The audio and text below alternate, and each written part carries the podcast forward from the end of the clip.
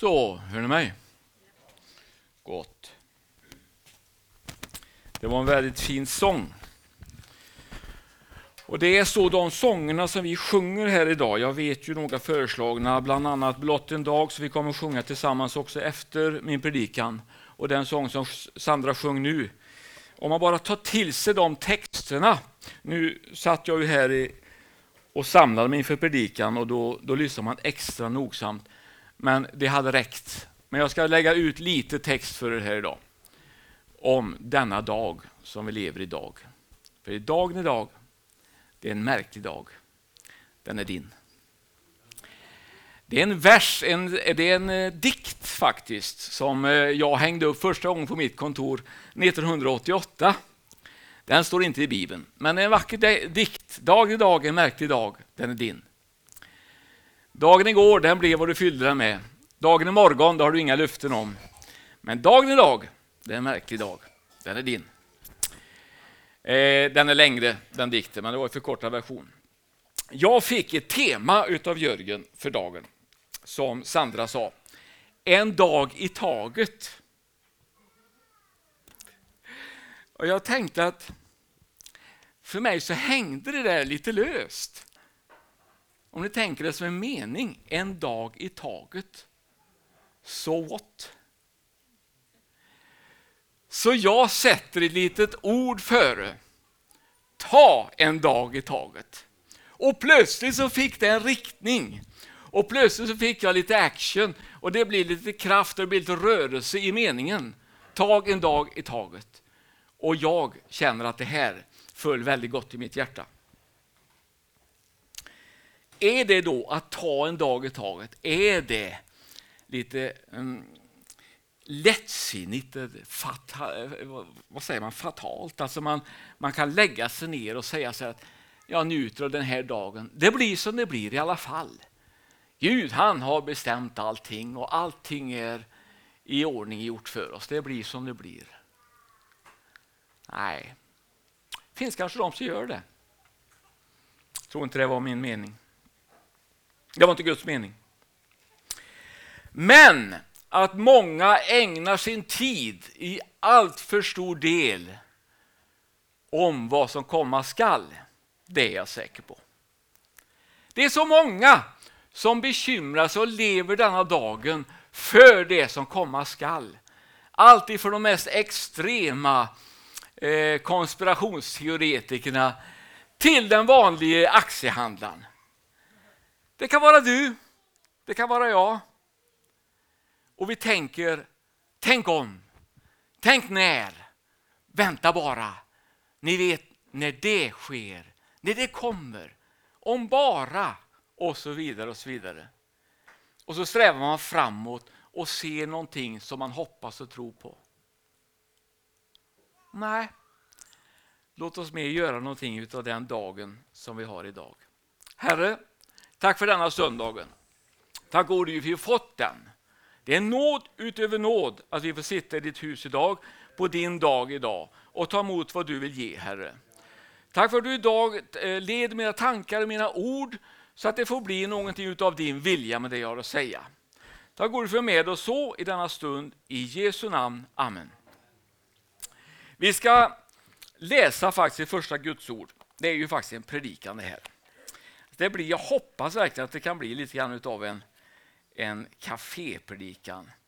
Så att eh, eh lite anekdoter kommer han också dra här vad det lider.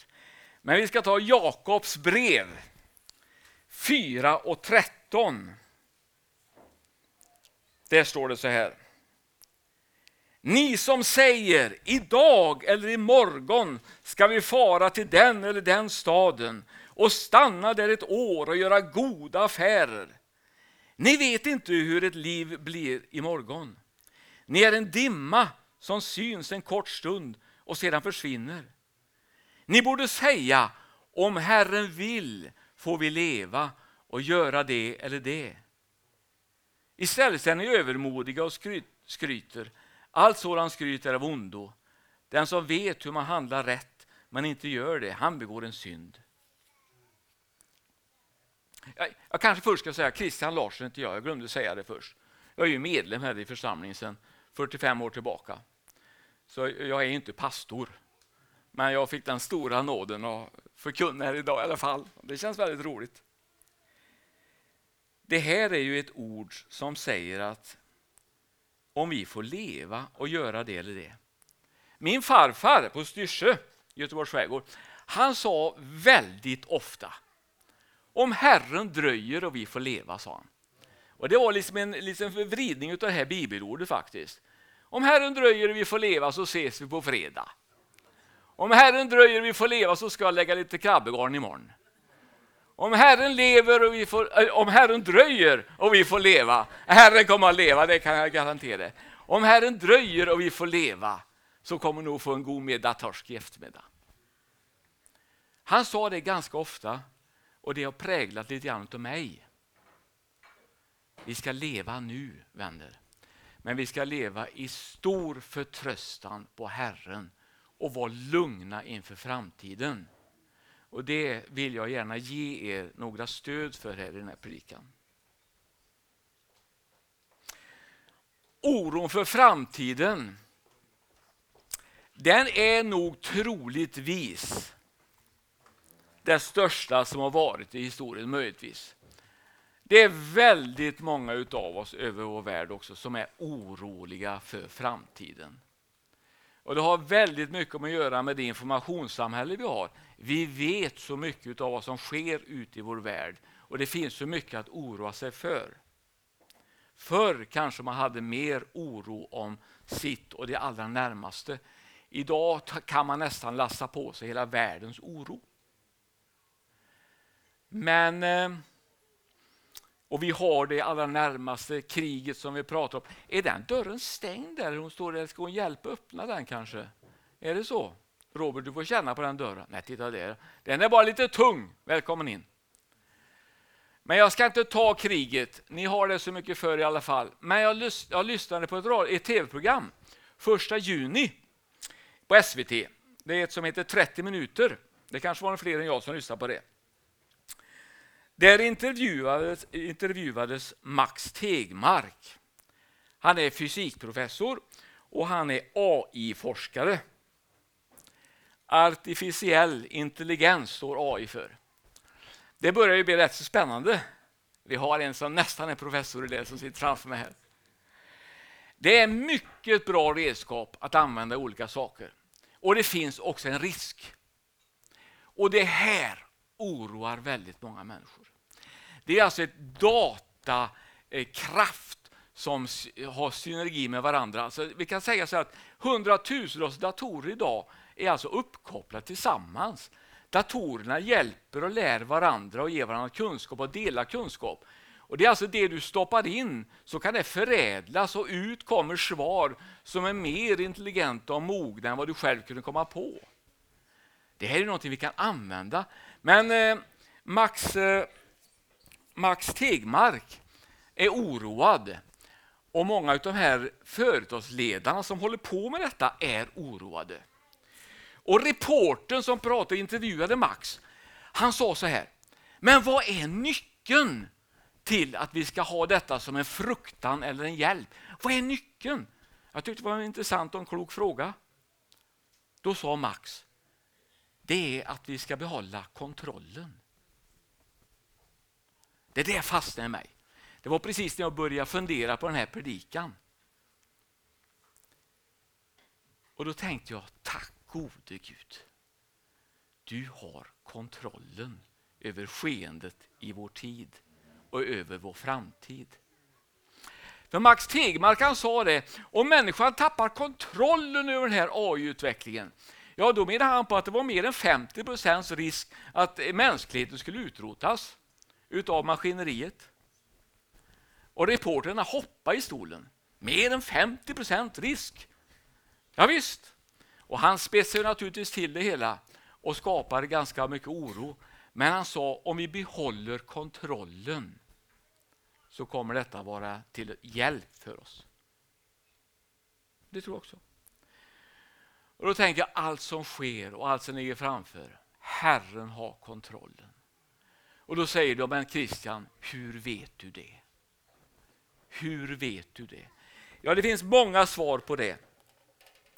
Men vi kan bland annat läsa i första Timoteusbrevet.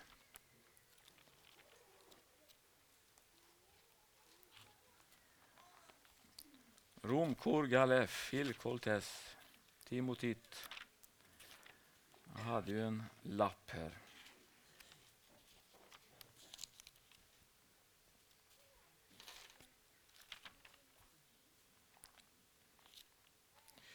Andra Timoteus 3, 1-5.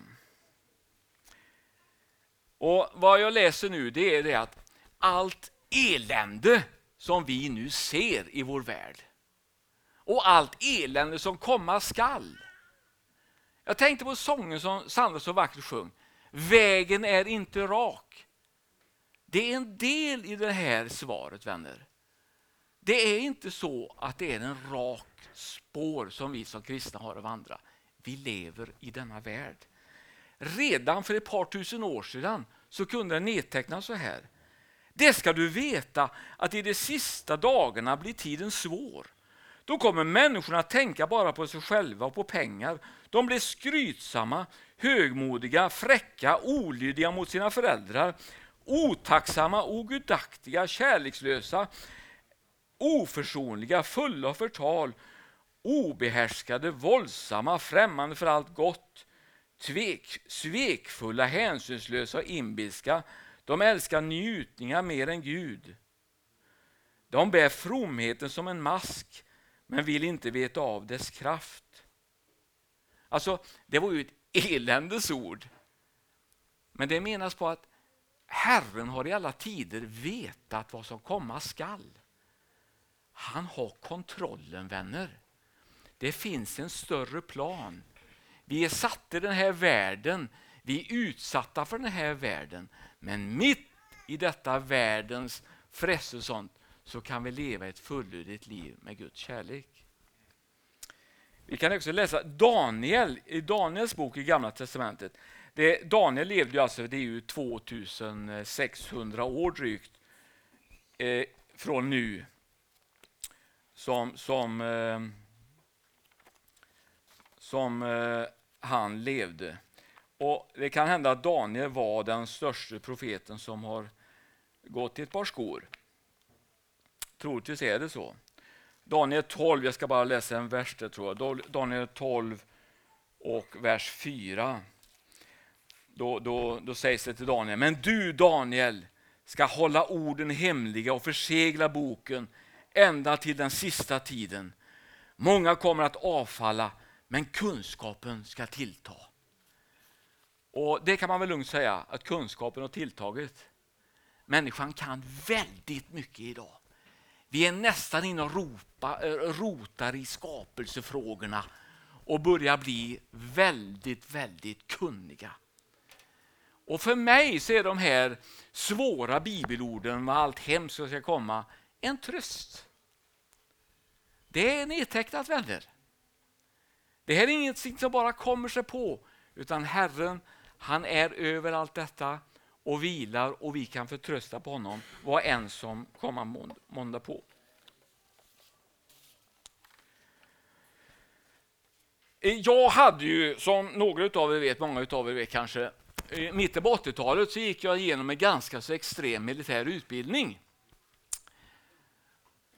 Och eh, vi tränade enormt hårt.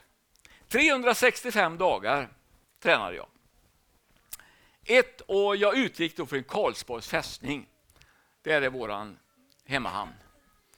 140 dagar av de 365 var jag utanför fästningen. Det vill säga jag var i skog och mark, träsk och fjäll i hela vårt avlånga land. Nej, nu överdriver du säger ni. Träsk har vi i alla fall inte i Sverige. Ja, då har ni inte varit i skogen utanför Halmstad. För det beräknar jag som träsk. Det kan man vara konstant blöt i 14 dagar. Jag kan garantera, jag kan skriva en bok om detta elände ställe. Eller uppe i de allra högsta fjällen i Norrland. Det, jag har inte tänkt på detta så mycket som nu när jag tänkte på det här. Det finns en röd tråd genom hela min militärutbildning. det är faktiskt den att vi visste aldrig någonting om morgondagen. Det låg i alla mina befäls tanke att vi skulle bara känna till dagen vi är i just nu. Vi skulle inte veta någonting vad som händer imorgon eller övermorgon. Det är ganska intressant faktiskt. Det gjorde det att vi tränade fruktansvärt hårt fysiskt och mentalt. Den soldat som lägger sig ner i gröngräset och säger att idag är en härlig dag. Jag vet ju ingenting om morgondagen så jag tar det lugnt idag. Den möter inte morgondagen på ett bra sätt. Den kommer inte att klara sig. Men den som tränar och förkovrar sig och är fysiskt och mentalt stark, den kommer att klara morgondagen på ett bra sätt. Varför tar, ni, varför tar du en sån bild, säger ni? Jo, det gör jag bara för att det är inte så många predikanter som kan göra det. Så tänkte jag, då är jag ensam om den bilden. det är inte så många som har gått igenom en sån utbildning utan militärstaben i Sverige. I vilket fall som helst så är det så att vi vet ingenting om morgondagen. Men hur ska vi då som Kristi folk förbereda oss? Hur ska vi träna fysiskt och mentalt? Ja, det står ju om Guds rustning. Ska vi ta det? Efesierbrevet 6. Romkor Galef. Nu kan ni snart den ramsan, men jag får predika några gånger till. ja, Romkor Galef. Där kommer Efesierbrevet. Romkor Galef. Efesierbrevet 6.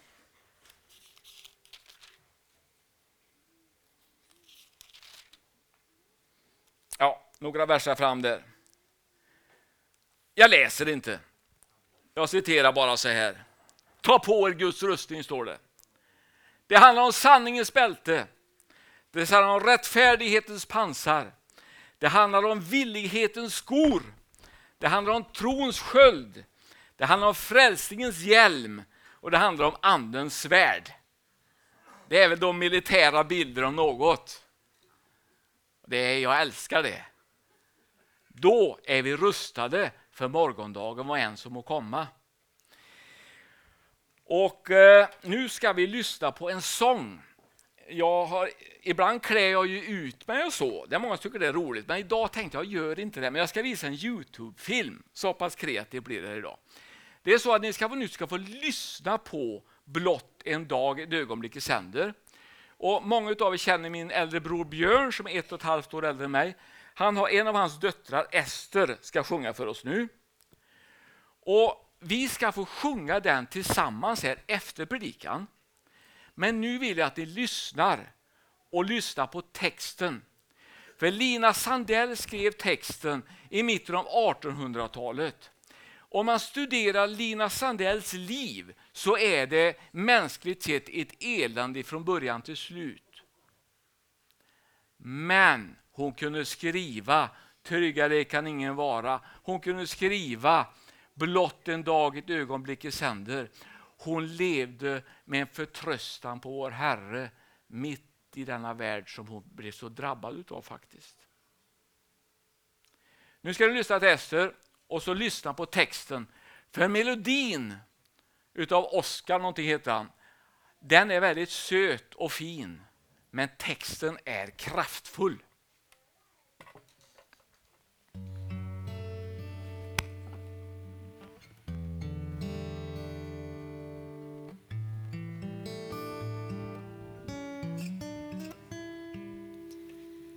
Blott en dag Ett ögonblick i sänder. Vilken tröst var den som kommer på. Allt ju vilar i min faders händer. Skulle jag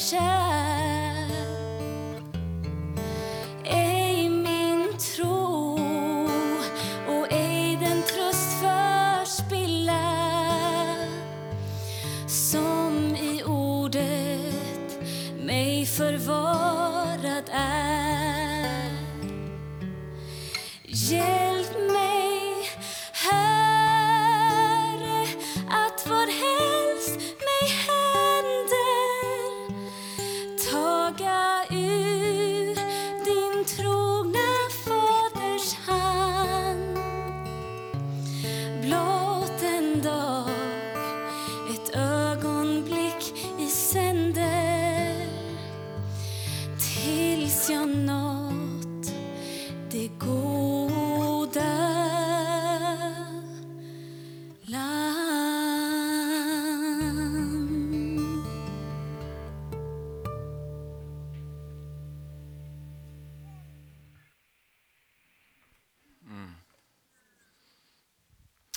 Ja, de här orden skrev Lina Sandell i mitten på 1800-talet.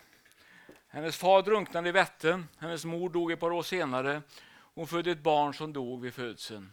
Och så vidare och så vidare. Men hon förtröstade på Herren. En strof i sången är så här. Dess beskärda del av fröjd och smärta, möda, vila och behag. Det står inte att det är en rak och enkel väg. Vi får dess beskärda del av fröjd och smärta, möda, vila och behag. Är det någon som gillar de här filmerna Jurassic Park? Jag är väldigt förtjust i dem. Jag tittar inte på så många filmer så jag kanske inte är så rätt person, men de där gillar jag. Det är ju alltså eh, det är ju en, det är ju en eh, fantasihistoria då. Men det är alltså eh, eh dinosaurier som bor på en stor ö. Och människor åker runt och tittar på de här dinosaurierna. Och de är skyddade i små bubblor. Och det är bland annat två pojkar man följer. De åker i en sån här bubbla och tittar på de här dinosaurierna och upplever det här. Så tror vi ibland kristna att vi far runt i världens rike. Men plötsligt när de här grabbarna far runt i bubblan så är det en dinosaurie som kör sin klo, kabam, rakt igenom glasbubblan. Och plötsligt får de uppleva att de är mitt i denna verklighet. Och det där överraskar oss ibland. Men ni ska veta det, vi lever i denna världen vänner. Ni hörde väl det? Så ni har förstått det? Bra, det händer saker. Men man kan leva i fullödig gemenskap med Herren ändå. Apostlagärningarna 16 Det är före eh, ramsan.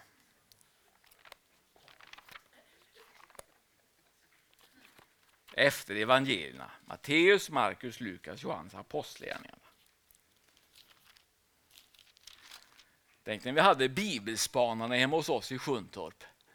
Jag hade ju några små grabbar där och tjejer som vi hade lite. Och Rickard, min eh, yngste grabb, han var lite för lite för att vara med. Men Dennis var med och hans kompisar då, Linnea och de andra.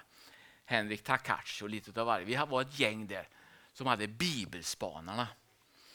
Och så eh, skulle jag förhöra dem lite. Vi hade en god gemenskap runt bordet där. Men Rickard satt i köket. Han fick ju inte vara med, han var för liten. Han kanske var fem år. Han kanske var sex år. I vilket fall som helst så satt han och sög på tummen. För det gjorde han mest hela tiden. Och han satt med ryggen mot kylskåpet och lyssnade på oss där inne i rummet. Han ville ju vara med, han fick ju inte. Och så skulle de här eh, lite äldre ungdomarna säga rabbla evangelierna. Det har ingenting med predikan att göra. Och då säger kanske Dennis Matteus och så var det nästa person Markus och så nästa person sa Lukas och så nästa person Kom inte på! Då hörde vi efter en liten stund i köket Johannes! Och jag säger att det är ju härligt när det börjar. Och sen kom Apostlagärningarna, ja. Det var där vi var. Apostlagärningarna 16. Sen så släppte vi in honom. Det var lika bra han fick vara med. Apostel, men tummen den fick vara kvar. Apostlagärningarna 16, 22-25. Var är det då? Där tar vi det. Folket tog då parti för dem, det är alltså Paulus och Silas, eh, mot dem. Och domarna slet kläderna av dem och befallde att de skulle pryglas. Det är alltså vår Paulus och Silas vi pratar om. En av, två av de största predikanterna i historien. Man gav dem många rapp och satte dem sedan i fängelse Fångvaktarna fick order att hålla dem i säkert förvar. Och för den, för den skull lät han sätta dem i det innersta fängelserummet och låste fast deras ben i stocken. Vid midnatt höll Paulus och Silas bön och sjöng lovsånger till Gud. Och de andra fångarna hörde på. Ja, det satt de mitt i världen och tänkte ja, vad kan vi nu göra? Vi kan ju inte gå ut och prata med folk och predika, vi kan inte gå och laga lite mat, vi kan inte göra någonting annat. Vi prisar Gud och lovsjunger. Så de hanterade alltså den här svåra situationen genom att se på Jesus Kristus, deras frälsare. Och de lever ett fullödigt gudsgemenskapsliv i detta elände. Det ska vi ta till oss. Ni ska veta det att minst fem av breven som Paulus skrev gjorde han i fängelse. Dessa brev som ligger till grund för hela den kristna förkunnelsen genom 2000 år efter detta. Det skrevs när han satt i fängelse. Det är alltså då, hade jag suttit i fängelse hade förtvivlat gråtit. Var är du Gud? Och anklagat och gnällt. Men han skriver breven till församlingarna som ligger till grund för hela vår kristna tro och förkunnelse. Visst är det märkvärdigt? Och Jag är inte säker på att jag klarar detta, men jag har det som ett föredöme.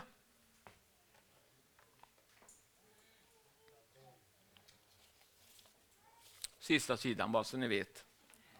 Det var noga med. Det var väldigt vad jag håller på. Förlåt. En strof till i sången. Som din dag så skall din kraft och vara. Det är ju lite svår svenska va, men ändå. Som din dag så skall din kraft och vara. Jag tror att Lina menade att vi får välsignelse och kraft av Gud utefter vad vi utsätts för. Vi måste sträcka oss efter Herren. Och nu börjar vi komma nära det här med förtröstan. Att vi ska leva nära Jesus varje dag. Det är då vi kan uppleva det här med förtröstan. Någon kanske sitter här nu, det har jag en väldig respekt för, som inte orkar ens att sträcka sig mot Herren och räcka upp en hand. Mot Herrens välsignelse. Orkar inte söka. Du är så plågad och så pinad och så utsatt så att du har, du faller. Då finns det en särskild liten klausul i eh, Herrens välsignelse. Då har han redan tagit sina armar och bär dig. Bara så du vet. Orkar du sträcka din hand mot Herren och säga Jesus, hjälp mig idag. Orkar du inte det, så bär han dig. Var lugn och fridfull över detta.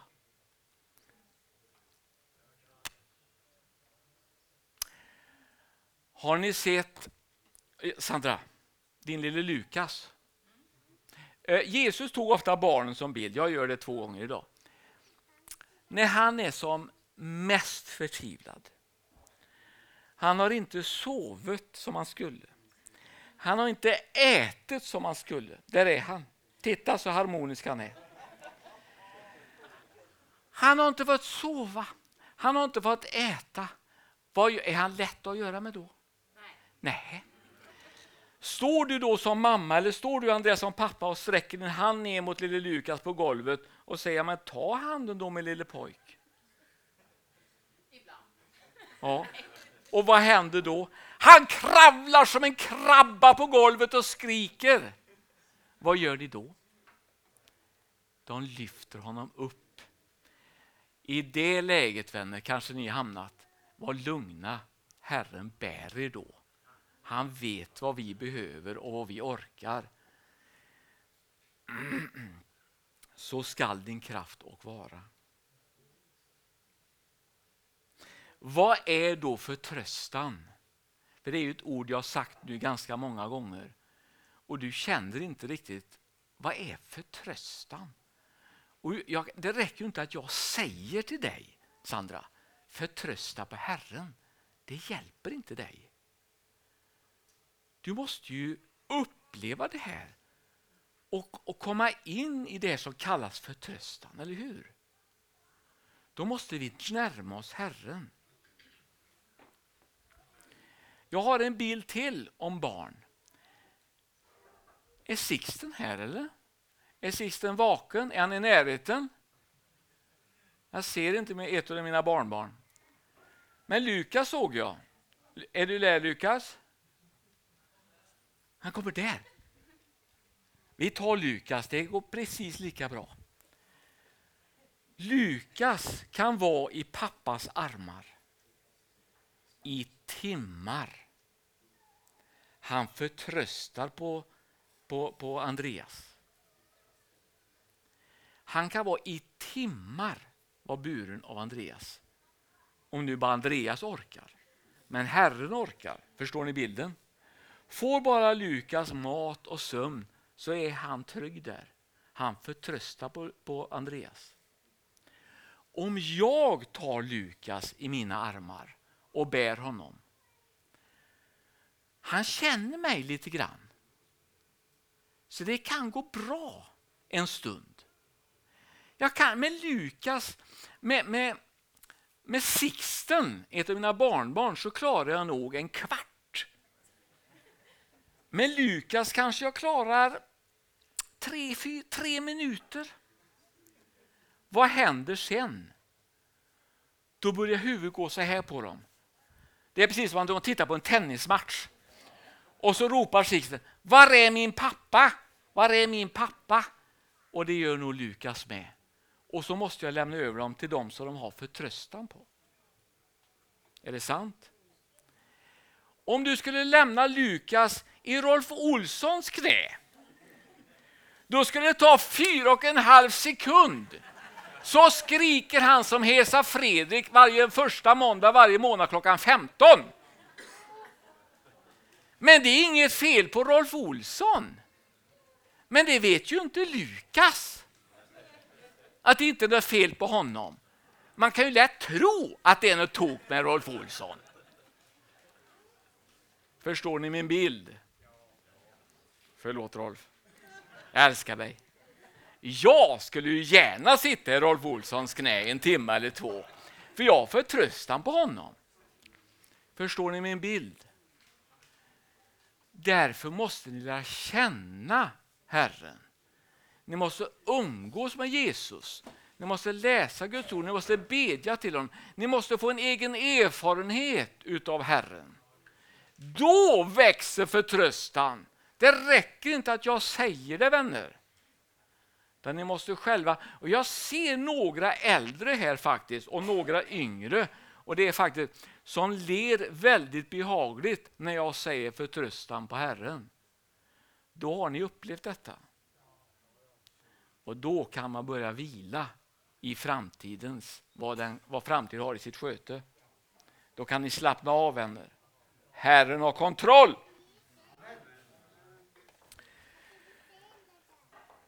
En strof till i sången.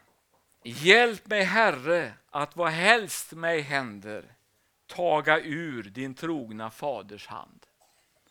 Vad helst som kan hända. Ja, du kan ju faktiskt dö. Det kanske inte är det värsta som har hänt mig. Säger man. Om man har förtröstan på Herren. Kan det vara så? Jag var begravde en av mina morbröder för eh, sex, sju veckor sedan vad det kan vara nu. Jan på Vrångö. Han, är gift med min, han var gift med min moster, Bitte-Kajsa. Och eh,